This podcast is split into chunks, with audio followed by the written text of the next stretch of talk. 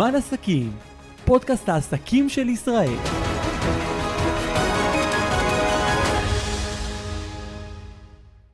שלום לכם וברוכים הבאים לפרק חדש של זמן עסקים, והיום, אם אתם עסקים בתחום הקוסמטיקה, או שאתם אנשי מכירות בתחום הקוסמטיקה, זאת השיחה בשבילכם, שרון קשי, שלום לך, מה העניינים? אהלן, מצוין, מצוין, איזה כיף להיות פה. איזה כיף שהגעת היום לזמן עסקים, כי מי שלא מכיר אותך, אתה מנטור למכירת קוסמטיקה. זאת אומרת, יש uh, הרבה מאוד מנטורים של מכירות בכל מיני תחומים, אבל אתה מיועד ומתמקד אך ורק במכירות בתחום האדיר הזה של קוסמטיקה, שזה באמת מאוד מאוד מעניין, אתה גם היחיד בעולם שעושה את זה, נכון? אתה המנטור היחידי. אמ, תשמע, אני בטוח שיש עוד הרבה מאוד אנשים שאולי עושים את זה ברמות כאלה או אחרות, אבל ממה שאני נחשפתי, אמ, אני לא מכיר עוד הרבה אנשים שעושים את זה בעוצמות שאני עושה את זה. מדהים, מדהים. אנחנו גם נדבר על העוצמות האלה וגם נשמע קצת מהניסיון והידע שלך אה, לאורך השיחה הזאת, אבל אולי בעצם קודם כל תתחיל מאיפה בכלל הגעת לעולם הזה של דווקא מכירות ודווקא קוסמטיקה. אז אה, תשמע, זה סיפור מאוד מעניין, כי אני כחייל משוחרר בגיל 21, אתה יודע, אמ, מרבית האנשים רוצים לעשות ככה משהו מעניין עם החיים שלהם, והגעתי למצב שאני עובד בכל מיני עבודות מזדמנות, ולא ממש מצאתי את עצמי, וחיפשתי לעשות משהו מעניין, וטסתי לעבוד בעגלות בחו"ל. ו... כמו כולם.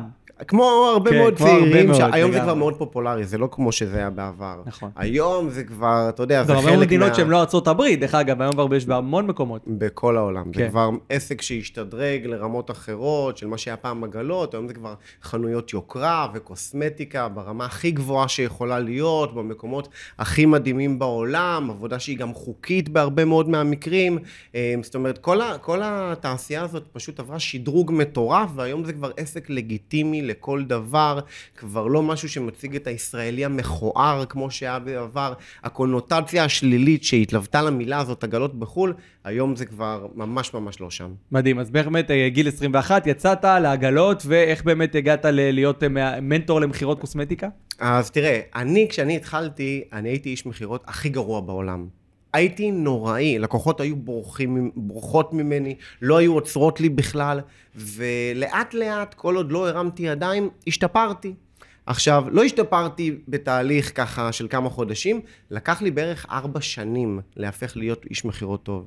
ובארבע שנים הראשונות שלי, מכיוון שמאוד מאוד נלחמתי והתעקשתי, ואפילו שלא הייתי טוב, לא עזבתי, כי האמנתי באפשרות, בפוטנציאל הזה בעצם, לעבוד בעבודה שהיא לא מרוויחים בה לפי שעה. שזה בעצם נושא ש... שאני תכף אדבר עליו קצת יותר, שבעצם הוביל אותי למקום הזה בכלל.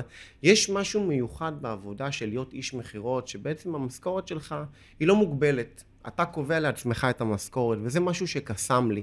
אז אפילו שלא הצלחתי בהתחלה ולא הייתי טוב, לא הרמתי ידיים, ובזמן, וביום שהגיע, שבאמת שהשתפרתי, וזה לקח לי בערך ארבע שנים כדי להפך להיות איש מכירות טוב, נהייתי הכי טוב. וממש למדתי איך למכור בצורה אותנטית והוגנת, ולא הישראלי המכוער, אלא ההפך, הישראלי הכי יפה שיכול להיות. תראה, יש דרך למכור בצורה יפה. היום יש סטיגמה על אנשי מכירות שהם ימכרו את אימא שלהם בשביל לקבל עמלה, ושלא אכפת להם מאנשים, וזה לא חייב להיות ככה. זה לא חייב להיות ככה באף תחום, ובמיוחד לא בתחום הקוסמטיקה. אז אחרי שנהייתי טוב, וממש אה, קודמתי, קידמו אותי לתפקיד של trainer בחברה, ומנהל, ופתאום הייתי אחראי על אה, צוות של עשרה אנשי מכירות, ואז צוות של שלושים אנשי מכירות, ובשלב מסוים גם פתחתי עסק משלי, ובעצם חייתי את העולם הזה במשך עשר שנים ברצף, ואז חזרתי לישראל להקים משפחה. וכשחזרתי לישראל להקים משפחה, אמרתי לעצמי, טוב, מה אני עושה עם כל הידע הזה שצברתי לאורך כל השנים? כי לאורך כל השנים, ברגע שבאמת למדתי איך למכור בצורה טובה, התחלתי לרשום הרבה מאוד פתקים, הרבה מאוד הערות, דפים על גבי דפים, דברים שלמדתי מהסתכלות על הסלזמנים הכי טובים שעבדתי איתם. ופשוט חזרתי לישראל, והיו לי מאות של טיוטות שרשמתי לעצמי כדי להשתפר, ופשוט החלטתי להוציא את כל הטיוטות האלה לספר, אה, פרסמתי אותו בשנת 2015, ספר שנקרא הדרך למיליון הראשון, המדריך המעשי למכירת מוצרי קוסמטיקה בחו"ל. ששם אני בעצם מלמד איך אפשר לעשות את העבודה הזאת של מכירת קוסמטיקה בצורה הכי אלגנטית, הגונה ונעימה שיכולה להיות. מדהים אותי גם שאתה אומר את המילה הגונה, כמו שאמרת קצת את, ה, את הישראלי המכוער, וגם באמת את הסטיגמות האלה שיש על אנשי מכירות לפעמים. מעניין באמת לשמוע איך אפשר למכור בצורה אלגנטית, בלי למכור ובאמת להרגיש גם ש- שהלקוח רוצה ומעוניין וצריך את המוצר שלך, כי הרבה פעמים זה מרגיש כאילו קצת דחיפה, לא? כן, אז תראה, מכירות זה פלטפורמה שיש בן אדם אחד שיבוא וידחוף ויהיה פושי, ולא יעשה את זה בצורה כי, טובה, כי גם בדרך כלל אין מערכי הדרכה כל כך טובים בחברות. זאת אומרת, ברגע שהחברה לוקחת יוזמה לא רק ללמד אנשים על המוצר וההיבט המקצועי, אלא ללמד איך למכור, אז ברגע שמלמדים מישהו, והלוואי ומישהו היה מלמד אותי, כשאני התחלתי ב-2005, אף אחד לא לימד אותי כלום, הייתי צריך להסתדר בכוחות עצמי. בעצם הסיבה שהיום אני עושה את מה שאני עושה, זה כדי להוות קיצור דרך לאנשים שרק מתחילים, כדי שלא יצטרך לקחת להם ארבע שנים עד שהם יהיו טובים. ואני היום עושה את כל מה שאני עושה כדי בעצם לעזור לאותו שרון בתחילת דרכו לא לחוות את כל העוגמת נפש הזאת והתסכול שאני חוויתי כי תשמע אני לא יכול לתאר לך מה גודל עוצמת, אה, מה גודל עוגמת הנפש של איש מכירות שלא מצליח למכור. זה, זה ממש, זה, זה עוגמה אדירה, וגם, אתה יודע, זה גם תחושה של כישלון שאולי יכולה לקחת למקומות אחרים בחיים, באמת, באמת יפה לראות שאתה יכול ללמד מישהו בכלים, בדוקים, בשיטה, איך אפשר למכור בצורה הרבה יותר טובה. בואו בוא קצת אולי נדבר על איך אתה עושה את זה, ואולי קצת נשמע מה, מהערך ומהידע והמומחיות שלך. אז באמת, אתה יודע, אני מרגיש גם שאחד מהדברים שלפעמים אנשי מכירות פשוט מנסים לא להיות אובייקטיביים. אתה יודע, הם, הם מנסים כאילו לבוא ולהגיד, אני, אני לא איש מכירות, אני נמצא מעל, אני אה, בא לעזור לך, לסייע לך, והם לא, הם מפחדים קצת מה, אפילו מהתווית הזאת, אנשי מכירות. אז באמת, איך, מה, מה, מה אתה חושב בסוגיה הזאת? כן, אז תראה, זה נושא מאוד מעניין, כי בעצם אה, מה שקורה זה שאם אנחנו מסתכלים בכלל על תחום המכירות ואנחנו עושים עליו זום אאוט, מה זה מכירה בעצם? מכירה זה מענה לצורך. זאת אומרת, אם לך יש צורך כלשהו ולי יש מענה, יכולה להתבצע מכירה. אם אין לך צורך, זאת אומרת, אם אתה עכשיו לא צריך משקפי ראייה, ואני האיש מכירות הכי טוב בעולם למשקפי ראייה, האם אני יכול למכור לך משהו שאתה לא צריך בכלל? כנראה שלא. כנראה שלא. וכאן מתחילה בעצם ההבנה של הפסיכולוגיה מאחורי המכירה. זאת אומרת, קודם כל, אנחנו ניגשים למכירה כמענה לצורך. אם יש ללקוחה שלנו צורך, אנחנו נוכל להציג לה את הפתרון. בגלל זה, השלבים המאוד ראשוניים בהתחלת המכירה זה להבין האם ללקוחה, האם לבן אדם שעומד מולך יש צורך במה שאתה מוכר. ואם אותו בן אדם מצליח להגיע להבנה עם עצמו שבאמת יש לו צורך, אז אפשר להתקדם. זאת אומרת, אי אפשר למכור לאנשים דברים שהם לא צריכים, ולכן בתורת המכירות שאני מלמד, זה קודם כל באמת לגרום ללקוח להבנה עם עצמו, האם הוא צריך את הפתרון שלי או לא. אם הוא לא, הכל בסדר. אבל אם כן, אז בואו נראה מה הדרך האלגנטית ביותר להציג לו את הפתרון הזה. עכשיו, מה שקורה זה שהרבה אנשי מכירות בעצם הם ניגשים לתהליך המכירה, ויש איזה סינדרום כזה, איזה תסמין מאוד מפורסם של אנשי מכירות שלא רוצים שהלקוחות יגלו שהם אנשי מכירות. בעצם הרבה פעמים קרה לי, וסיטואציה אחת ממש מפורסמת שהייתה לי עם בחורה בשם סתיו, שכשעבדתי איתה והיא לא הצליחה למכור ללקוחה מסוימת והלקוחה הלכה, והיא אמרה, שיט, היא תפסה אותי. ואמרתי לה, סתיו, למה את מתכוונת? היא אומרת לי, לא, היא תפסה אותי שאני מנסה למכור לה. אז אני מסתכל עליה ואני אומר, סתיו, כאילו, אני מנסה למכור לה. כן, אבל לא רציתי שהיא תבין שאני אשת מכירות. עכשיו, התופעה הזאת היא תופעה מאוד נפוצה, כי כאילו אנחנו לא רוצים שהלקוחות ירגישו שאנחנו לכאורה משוחדים, אבל מצד שני, יש דרך גם להיות משוחדים בצורה מאוד מאוד אותנטית. אני יכול לספר לך שבתחילת הדרך, כשלקוחה הייתה אומרת לי שאני איש מכירות טוב, אז הייתי כאילו נעלב, ואומר לה, לא, לא, אני לא איש מכירות, אני, אני, I'm a promoter of the company, או I'm a cosmetic agent, ולאט לאט, כש, כשנהפכתי כבר להיות איש מכירות טוב עם ביטחון עצמי, הייתי אומר ללקוחות, אני לא רק איש מכירות טוב, אני איש מכירות הכי טוב בחברה. את יודעת למה? כי אני מאמין במוצר הזה. את יודעת למה אני מאמין בו כל כך הרבה? כי יש לי לקוחות חוזרים, בדיוק כמוך, שבאים אליי אחרי חודש ואחרי חודשיים, ומספרים לי כמה הם מרוצים מהמוצר, ואין לי ספק שגם את תהיי כזאת. בגלל זה אין לי בעיה, אולי לפעמים אני קצת כזה פושי, ואני כזה אפילו נותן לה דחיפה קטנה על הכתף כזאת בצחוק, ואני אומר, אולי, אולי אני קצת פושי, אבל אני יודע שברגע שאת תנסי את זה, את תחזרי לפה ואת תודי לי על כך. זה, זה אולי גם העניין לפעמים, האתגר במכירות, שלפעמים מתאמצים מאוד מאוד אה, קשה כדי להגיע למכירה הזאת, אבל אף אחד, אבל לפעמים גם אפילו בעלי עסקים לא שמים לב לעניין הזה של לקוחות חוזרים. זאת אומרת, כמה חשוב שאותו לקוח, לא רק שהוא היה מרוצה, אלא גם שהוא יחזור עוד פעם ועוד פעם ועוד פעם וימשיך לעשות את הקנייה הזאת. זה גם איזה משהו שהוא מאוד מאוד חשוב בתהליך הזה. חד משמעית, חד משמעית. אז בנוגע ללקוחות חוזרים, זה מחבר אותנו לנושא מאוד מעניין שנקרא חיבור אישי.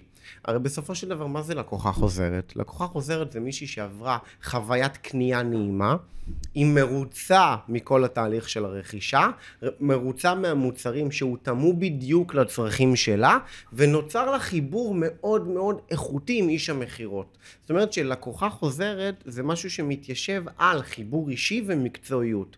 וכל הנושא של, של חיבור אישי הוא בעיניי אחד הדברים היותר חשובים בעבודה שלנו, כי בסופו של דבר אנשים לא קונים רק מוצרים, אנשים הם מתחברים לאנשים, ורמת החיבור שלנו, אני יכול לתת לך דוגמה הכי פשוטה. תגיד לי אם קרה לך פעם שנכנסת לחנות שאתה אוהב, וראית איזה פריט שאתה אוהב בחנות הזאת, אבל את איש המכירות לא אהבת. ברור, לא התחבר. קורה המון. קנית או לא קנית? ברור שלא קניתי. ברור שלא קנית. זאת אומרת, גם אם המוצר טוב, גם אם החברה מוכרת וידועה ויש לה מוניטין ואתה סומך על החברה, אם לא סמכת על איש המכירות ואם לא היה לך חיבור טוב איתו, המכירה נגמרה. ולכן אחד הדברים הבאמת חשובים זה גם להתחיל את המכירה כבר במומנטום חיובי. זאת אומרת, אחד הדברים שאני בא ואני מלמד גם בקורס הדיגיטלי שלי ובשלל המוצרים והשירותים שיש לי, זה קודם כל שבירת קרח. איך אנחנו עכשיו, תוך פחות מעשר שניות, הופכים את הבן אדם שעומד לידינו לחבר, למישהו שעכשיו עלה לו חיוך על הפנים, הצחקנו אותו, נתנו לו בדיחה, קצת להקליל את האווירה, קצת להוריד את הרשמיות, כי ברגע שאנחנו נכנסים לסיטואציה של מכירה, להדגמה, במצב שהוא קצת רשמי, הרבה יותר קל, אה, הרבה יותר קשה, סליחה, אמ, להפסיק, לשנות את הדינמיקה באמצע. איך שאנחנו מתחילים אותה, ככה כבר אנחנו יוצרים את האפקט הראשוני של איך תיראה המערכת יחסים שלנו בהמשך. ואנחנו במיוחד בתחום הזה רוצים לתת ללקוחה הרגשה שזה לא משהו רגיל מה שקורה פה. שאנחנו לא עוד אנשי מכירות. זאת אומרת, איזה עוד איש מכירות עכשיו יבוא ויפגוש לקוחה ויגיד לה, אמ, what's your name, והיא תגיד לו סמנטה, והוא יגיד לה סמנטה, I came all the way from Israel to change your life. Are you ready for this?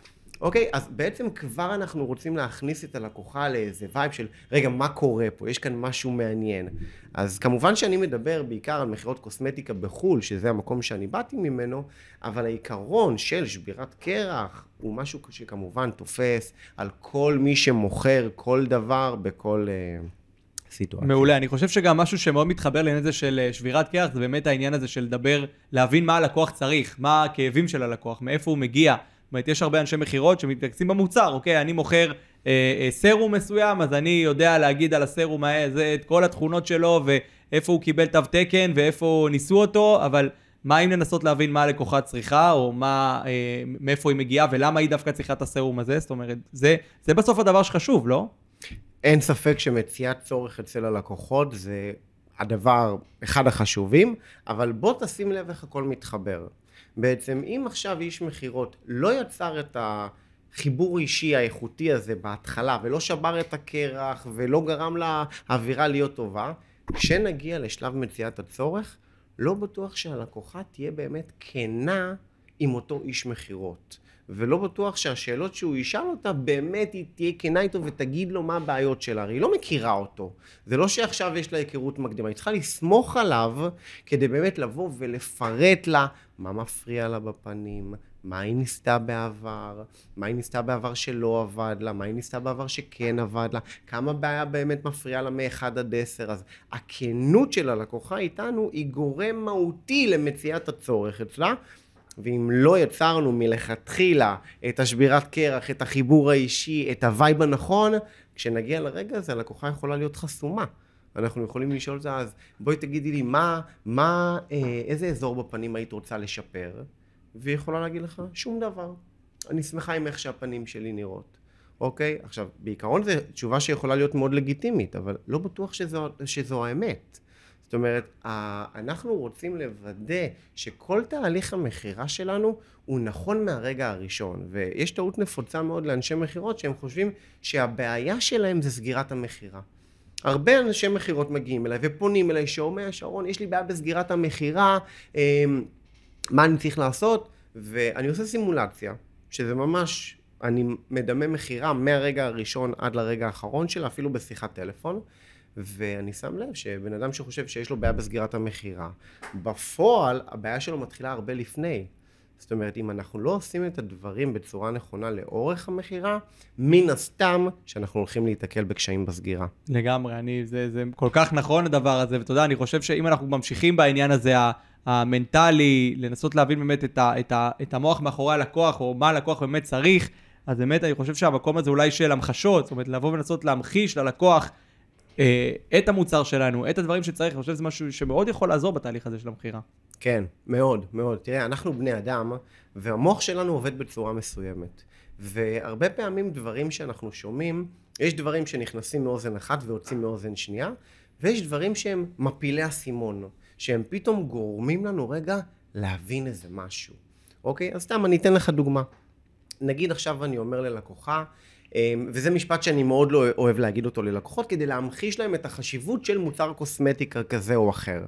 אז אני יכול להגיד ללקוחה, גברתי, את יודעת, אם עכשיו את לוקחת תפוח, או אבוקדו לצורך העניין, ואת עכשיו חותכת אותו באמצע ומשאירה אותו ככה פתוח באוויר, מה יקרה לו אחרי 20 דקות? ישחיר. הוא ישחיר, נכון, פתאום יתחיל להיות לו כתמים חומים, אבל מה יקרה אם לאותו תפוח או אבוקדו את תיקחי לימון, ותסחטי את זה על התפוח או על האבוקדו. מה יקרה? האם הוא ישחיר? לא. לא. למה? בעצם כי האנטי-אוקסידנטים שבלימון הם שומרים על התפוח. נכון? זה אותו דבר עם הפנים שלך בדיוק. המוצרים האלה שעכשיו הראיתי לך, זה הלימון שלך. ו- וכל מיני המחשות כאלה פתאום יכולות לגרום ללקוחה כזה להגיד, וואי, לא חשבתי על זה אף פעם ככה. ו- וזה כיוונים טובים עם לקוחה. זאת אומרת, אנחנו רוצים לתת לה כל מיני המחשות, שזה כמו מיני סיפורים קטנים ממוסר השכל קטן, שפתאום גורמים לה להגיד, וואלה, לא חשבתי על זה ככה. וכמה שיותר אנחנו ניתן ללקוחה המחשות, זה יותר יגרום לה להיות רתומה לסיפור, ובאמת לרצות להתקדם עם הרכישה. מדהים. ומה לגבי אולי שימוש בדמיון מודרך? כן, אז תראה, זה אחד הכלים באמת, שבכל מה שקשור לתחום הקוסמטיקה באופן ספציפי, אני חושב שכל ההבנה של איש מכירות, שהמכירה בעצם מתבצעת על ידי פנייה אל הרגש של הלקוחה. זאת אומרת, אה, קוסמטיקה וטיפולי פנים זה לא משהו שהמוח שלנו מגדיר אותו כחובה להישרדות, נכון? כל מה שהוא חובה להישרדות הוא, הוא משהו שהגוף שלנו, אין, אנחנו חייבים אותו, זה כאילו must. אבל קוסמטיקה הרבה מאוד אנשים רואים את זה כמשהו שהוא מותרות. ואנחנו רוצים בעצם לבוא ולפנות לרגש של הלקוחה ולהסביר לה למה דבר כזה הוא בעצם לא מותרות. מסיבה מאוד פשוטה. הרי בדיוק כמו שהלקוחה הזאת עכשיו, הרי תחשוב, מי, מי הלקוחות שקונות קוסמטיקה?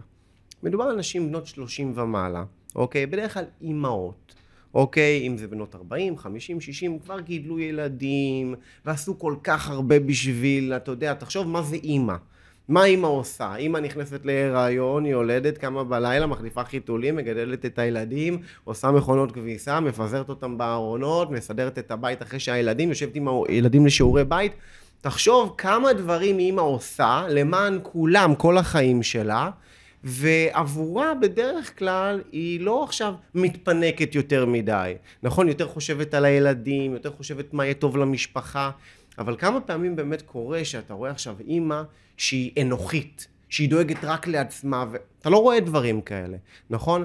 אז הרבה מאוד מה... אה, מה, מה אה, כיוון מאוד חשוב, שהוא כיוון רגשי במכירה, זה לקחת את זה למקום הזה של באמת לפנות אל הרגש של הלקוחה, ולהגיד תראי, אני בטוח שאת לא אישה אנוכית. את אימא, נכון? אמרת לי שיש לך שלושה ילדים. אני בטוח שכל החיים שלך את עושה הכל למען בעלך, למען הילדים, ובאמת אפשר לפרט לה את כל הדברים המדהימים והמטורפים שאימהות עושות. אמ, אבל מה איתך? מה איתך? אולי פעם אחת לשם שינוי תשימי את עצמך בראש סדר העדיפויות. הרי אם עכשיו היית צריכה להוציא את הסכום כסף הזה על אחד הילדים שלך, אני בטוח שלא היית חושבת פעמיים, נכון? אז למה לילדים שלך את לא חושבת ועל עצמך כן? זה מגיע לך. את עובדת כל כך קשה, את עושה הכל למען כולם. אז בעצם המקום הרגשי הזה, זה משהו שהוא מאוד חשוב במכירת מוצרי קוסמטיקה, והדמיון מודרך זה בעצם כלי מבחינתנו להמחיש ללקוחה על מה היא באמת משלמת. כי הלקוחה לא משלמת על המוצרים, בעצם כל הערך הנלווה של מוצרי קוסמטיקה וטיפולי קוסמטיקה זה לאו דווקא התוצאה, אלא ההרגשה בנוגע לתוצאה. ומה שאנחנו מוכרים זה לא את המוצר, אלא איך את תרגישי בעוד איקס זמן, בעוד חודש או חודשיים, שהחתונה של הבת שלך, אמרת לי שהבת שלך מתחתנת עוד שלושה חודשים, נכון? כשאת תתארגני לחתונה ותתלבשי ותשימי את השמלה המיוחדת שאת הולכת לקנות ואת תסתכלי על עצמך במראה, את תרצי לראות את העיגולים השחורים האלה מתחת לעיניים? לא נראה לי, נכון? נכון שאת תרגישי הרבה יותר טוב ברגע שתסתכלי על הפנים שלך ואת תהיי גאה במה שאת רואה. רק תדמייני איך תרגישי כשתבואי ואחרי החתונה תסתכלי על האלבום תמונות ותראי שם את התמונות שלך ולא תתביישי בהם. ולא תגידי לא, אני לא רוצה לראות, אלא את תהיי גאה במה שאת רואה. נכון שזה יגרום לך להרגיש טוב? וזו בעצם המכירה. אנחנו לא מוכרים ללקוחה את המוצרים, אנחנו מוכרים לה את הלקוחה של איך תרגישי ברגע שתקבלי את התוצאה מהמוצרים המדהימים האלה שאנחנו מראים לך. מדהים, אני חושב שזה באמת גם דרך אה, אה, מעניינת וטובה להסתכל על, על הדבר הזה, באמת להבין את העולם שממנו מגיעים, כי אה, אני לא חושב שאף אחד, אם זה קוסמטיקה, או אם זה הובלות, או אם זה פודקאסטים, לא יודע, אף אחד לא באמת מוכר את המוצר, אלא באמת מוכרים בסוף את, ה, את, ה, את מה שהוא יעשה לך, את התוצאה, את האימפקט. שזה באמת אה, דרך אדירה להסתכל על זה. שרון, אה, בוא תספר לנו קצת על השירותים שלך, על מה אתה עושה, מה אתה מציע לעסקים, לחברות, לאנשי מכירות בתחום הקוסמטיקה. כן, אז תראה, אני אספר לך קצת על ההשתלשלות של האירועים כדי שתבין מאיפה הכל התחיל. אז בעצם כשאני הוצאתי את הספר לאור בשנת 2015, אני בסך הכל רשמתי פוסט בפייסבוק, ורשמתי אהלן חברים לכל מי שמוכר קוסמטיקה אה, ומעוניין להשתפר, אני עבדתי במשך עשר שנים בתחום וכתבתי ספר, ומי שמעוניין לקרוא את הספר ו... פתאום אנשים התחילו לקרוא את הספר, ולהמליץ לחברים שלהם, ולשלוח לי הודעות מטורפות של שרון, הכפלתי את המכירות שלי, אני עושה פי ארבע יותר מכירות, שינית לי את החיים, תגובות מדהימות, ולאט לאט פתאום התחלתי לקבל טלפון מבעלי עסקים. ובעל עסק אחד התקשר אליי ואמר לי, שרון, אה, תקשיב, כל אנשי המכירות שלי פה מדברים עליך ועל הספר שקראת, וזה באמת העלה להם את המכירות. יש מצב שאתה מגיע להעביר לנו סמינר? ואני ישבתי ואמרתי, רגע, אבל אין לי סמינר. זאת אומרת, אם אני עכשיו בא לאנשים שקראו את הספר שלי, אני לא יכול לבוא וללמד אותם דברים שאולי הם כבר שמעו מהמנהל שלהם, או אולי הם כבר למדו, אני חייב לבוא אליהם בזווית מטורפת. ומה שעשיתי פשוט, נכנסתי לחודש של התכנסות בתוך עצמי, עם הקשבה להרבה מאוד מנטורים, וקריאת הרבה מאוד ספרים, וממש קיבצתי ככה את כל ה... אה, פסיכולוגיה הכי טובה מאחורי עולם המכירות, את הפרקטיקה הכי מדויקת שאני מכיר, ופשוט חיברתי ביניהם, וככה נולד לו בעצם הסמינר הראשון, ובשנת 2015 אני טסתי ל... לארצות הברית זה היה, והעברתי שם את הסמינר הראשון, ואחרי שבועיים אותו בעל עסק התקשר אליי ואמר לי, תקשיב שרון, אתה לא מבין מה קרה פה בשבועיים האחרונים בעסק שלנו, אני אשמח שתגיע שוב. ואז בעצם הבנתי, אוקיי, יש פה משהו. יש פה משהו כי אני יכול לתרום. אני בעצם יכול לקחת, הצלחתי למצוא דרך לקחת את הידע והניסיון שלי, ולא רק לשים אותו בספר, אלא לשים אותו גם בחוויה, ולעבור ולפתוח לאנשים את העיניים ולעורר אותם, וללמד אותם את הדרך הנכונה, והרבה מאוד מזה זה שילוב של גם התודעה הנכונה, וגם הפרקטיקה הנכונה. ואז מה שקרה אחרי הסמינר הזה, קיבלתי שיחת טלפון מבעל עסק בסינגפור, ופתאום מפיליפינים, תאילנד, וייטנאם, קנדה, אמ, אנגליה, ממש, ספרד, פינלנד, כל העולם, ופתאום אני מוצא את עצמי טס בכל רחבי העולם ומכשיר אנשי מכירות בתחום הקוסמטיקה. לאט לאט אמ, נוצרו שירותים נוספים של קורס מנהלים לדוגמה. שבעצם נולד מזה שטסתי לאזור להעביר לו סמינר, וקלטתי שהמנהלים, עם כמה שהם נחמדים ואדיבים ומשפחתיים, יש הרבה דברים ברמה המקצועית שהם עדיין לא יודעים. אז אמרתי, אוקיי, שילמו לי כסף להגיע לכאן ולהעביר סמינר מכירות, אני רוצה שהמכירות לא יעלו לשבוע וירדו. אז אני חייב להכשיר את המנהלים. אז נוצר קורס מנהלים, ומאז פתאום... אה, חברות שהעברתי להם את הסמינר הראשון, התקשרו אליי וביקשו שאני אבוא שוב. אז הייתי צריך לכתוב סמינר נוסף. ואז הם ביקשו שאני אגיע שוב, ואז פתאום סמינר שלישי וסמינר רביעי, וכמות התכנים שאני כותב ומייצר, במיוחד לתחום הקוסמטיקה, היא פשוט מטורפת. כי יש לי הדרכות מחיבור אישי לסגירת מכירה, לטיפול בהתנגדויות, לחשיבה חיובית במכירות, ועוד הדרכות של תודעה, ובעצם היום המוצרים שלי זה פשוט... סוג של one stop shop שבו אני מלווה בעלי עסקים ונותן להם חבילת הדרכות מקיפה לכל הצרכים של העסק שלהם. החל מהכשרת אנשי מכירות בטריינים בזום ובאפליקציה מיוחדת של בניתי שהיא בעצם train דיגיטלי, החל משיחות אישיות וטריינים אישיים שאני מבצע עם החברות שאני מלווה, עם אנשי המכירות באופן פרטני אחד על אחד ועם המנהלים ואני משמש היום גם יועץ להרבה מאוד בעלי עסקים. אני בעצם עוזר להם לבנות את ה-DNA של החברה שלהם בצורה נכונה, אה, כל מה שקשור לתקנון חברה ו system מכירות. לכל חברה יש אופי שונה וה system המכירתי צריך להיות תפור בהתאמה אישית לצרכים של אותה חברה. ואם זה סיסטם ניהולי, אז זה ממש נהפכתי לסוג של מישהו שנותן שירותים גם לאנשי המכירות, גם למנהלים של אותם אנשי מכירות, וגם לבעלי העסקים. ו- וזה בעצם משהו שכבר אני עושה שבע שנים כיום, אחרי שחזרתי לישראל, אמ, ובעצם אני כל יום מחדש אורז את כל ה-17 שנים של הניסיון שלי, ופשוט מנגיש את זה עבור הלקוחות שלי, כדי לחסוך להם המון עוגמת נפש, ואתה יודע, כאב לב. מדהים, מ... מדהים, כן. זה נשמע מדהים. אה, בא לך אולי לספר על איזה לקוח, לקוחה ככה, שאתה, נצרבו לך בתודעה, ואתה זוכר אותם, מכל העבודה המדהימה הזאת שעשית?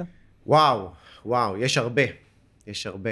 יש uh, הרבה מנהלים שהשתפרו בצורה יוצאת דופן, יש הרבה אנשי מכירות שהתחילו למכור לא פי שתיים, אלא פי ארבע מאשר בעבר. יש בעלי עסקים שפשוט הגדילו את המחזורים שלהם בצורה קבועה של 10% מחודש לחודש, ופתאום חודש של קפיצה של 20%, ופתאום להשיג יציבות. ואני יכול לספר לך שזה לא לקוח אחד או שתיים, זה כמעט כל הלקוחות שלי, ברגע שאנחנו מתחילים לעבוד ביחד, הם חווים שיפור.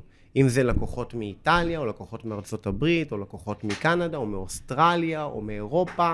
זאת אומרת, היום אני כבר עובד במתכונת שאני ממש כבר נהפך להיות מ... חלק מהחברה שבו אני פשוט עוזר ומלווה לטווח הארוך וכמובן יש הרבה מאוד חבילות ליווי לחברות גדולות, לחברות בינוניות, לחברות קטנות אבל אני היום נמצא יותר במקום שאני מאוד נהנה לא לתת את הזבנג והגמרנו הזה לעסקים. כי אם אני מגיע עכשיו לסמינר של שלושה ימים ולאחר מכן אני נעלם אני לא באמת יודע מה יהיה שם עם הידע הזה שהשארתי באותה חברה.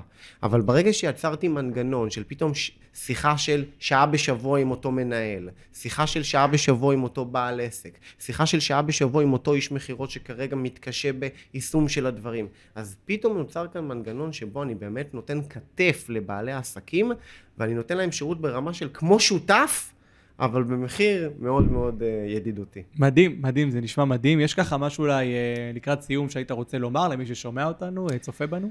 כן, כן.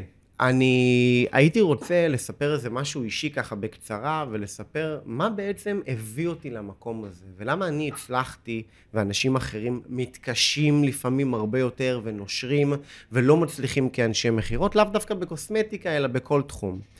אז תראה, מבחינתי באופן אישי, הכל התחיל אצלי בגיל 14 בטראומת ילדות שחוויתי. והטראומת ילדות הזאת הייתה שיום אחד הגעתי הביתה אחרי בית ספר, שעה אחת בצהריים, וראיתי משהו שלא ראיתי בחיים.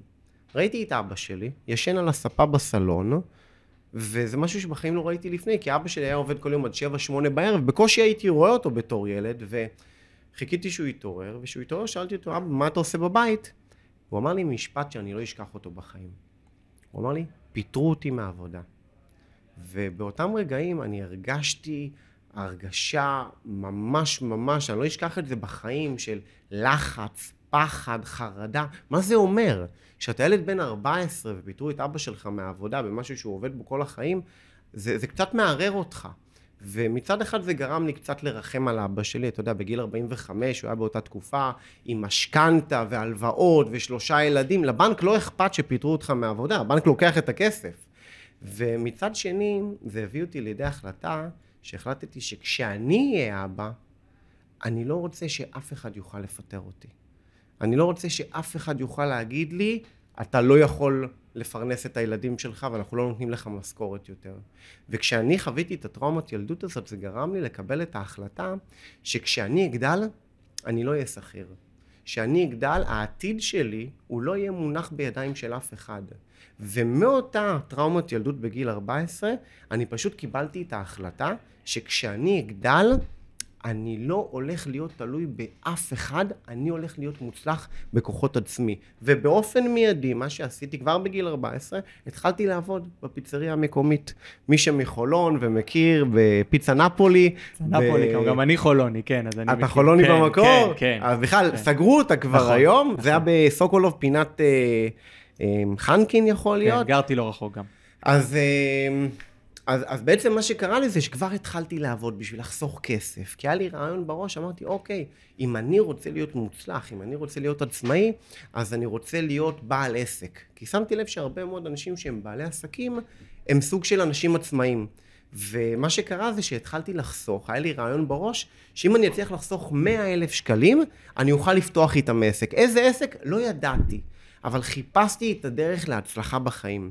ופשוט התחלתי לעבוד בפיצריה, והתחלתי לחסוך, ובגלל שעבדתי רק בסופי שבוע, אז הייתי יכול לחסוך קצת, אז הקצב התקדמות היה מאוד איטי. ועד הגיוס שלי חסכתי כמעט שליש מה, מהסכום, של כמעט 30 אלף שקלים, ובצבא, אתה יודע מה זה בצה"ל, הכסף פשוט הולך, נעלם, וסיימתי את הצבא חייל משוחרר מרושש, וחיפשתי דרך להצליח. וה... המתכונת של לעבוד במלצרות או בעבודות מזדמנות לא נראתה לי כמו מסלול בדרך להצלחה. ואני פשוט חיפשתי הזדמנות. ואני מצאתי את ההזדמנות הזאת בעולם המכירות בעולם המכירות קוסמטיקה שפשוט שינה לי את החיים מקצה לקצה.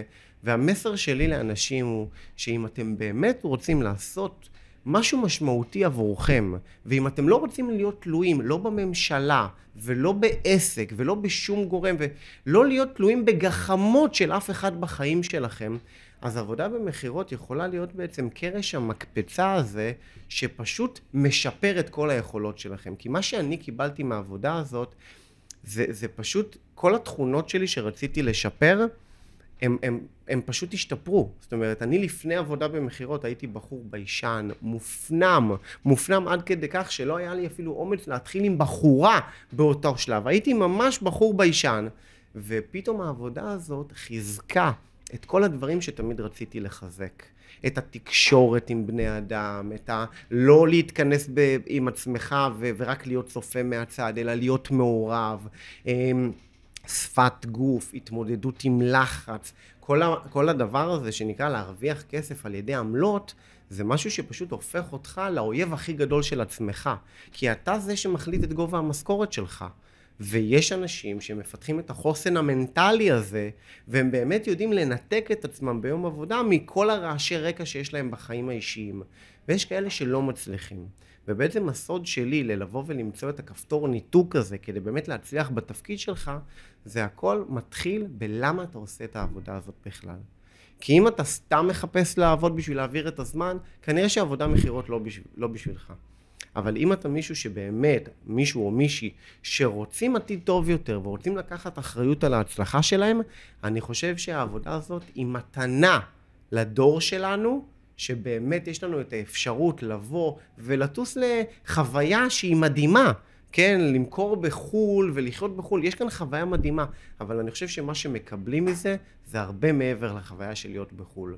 זה פשוט משהו שאין לו מחיר, ואחד הציטוטים שאני יותר אוהב הוא של ג'ים רון, שהוא אומר שכשאתה מתחיל עבודה, מה שאתה צריך לשאול את עצמך, זה לא כמה כסף אני מקבל, אלא איזה בן אדם אני נהפך להיות.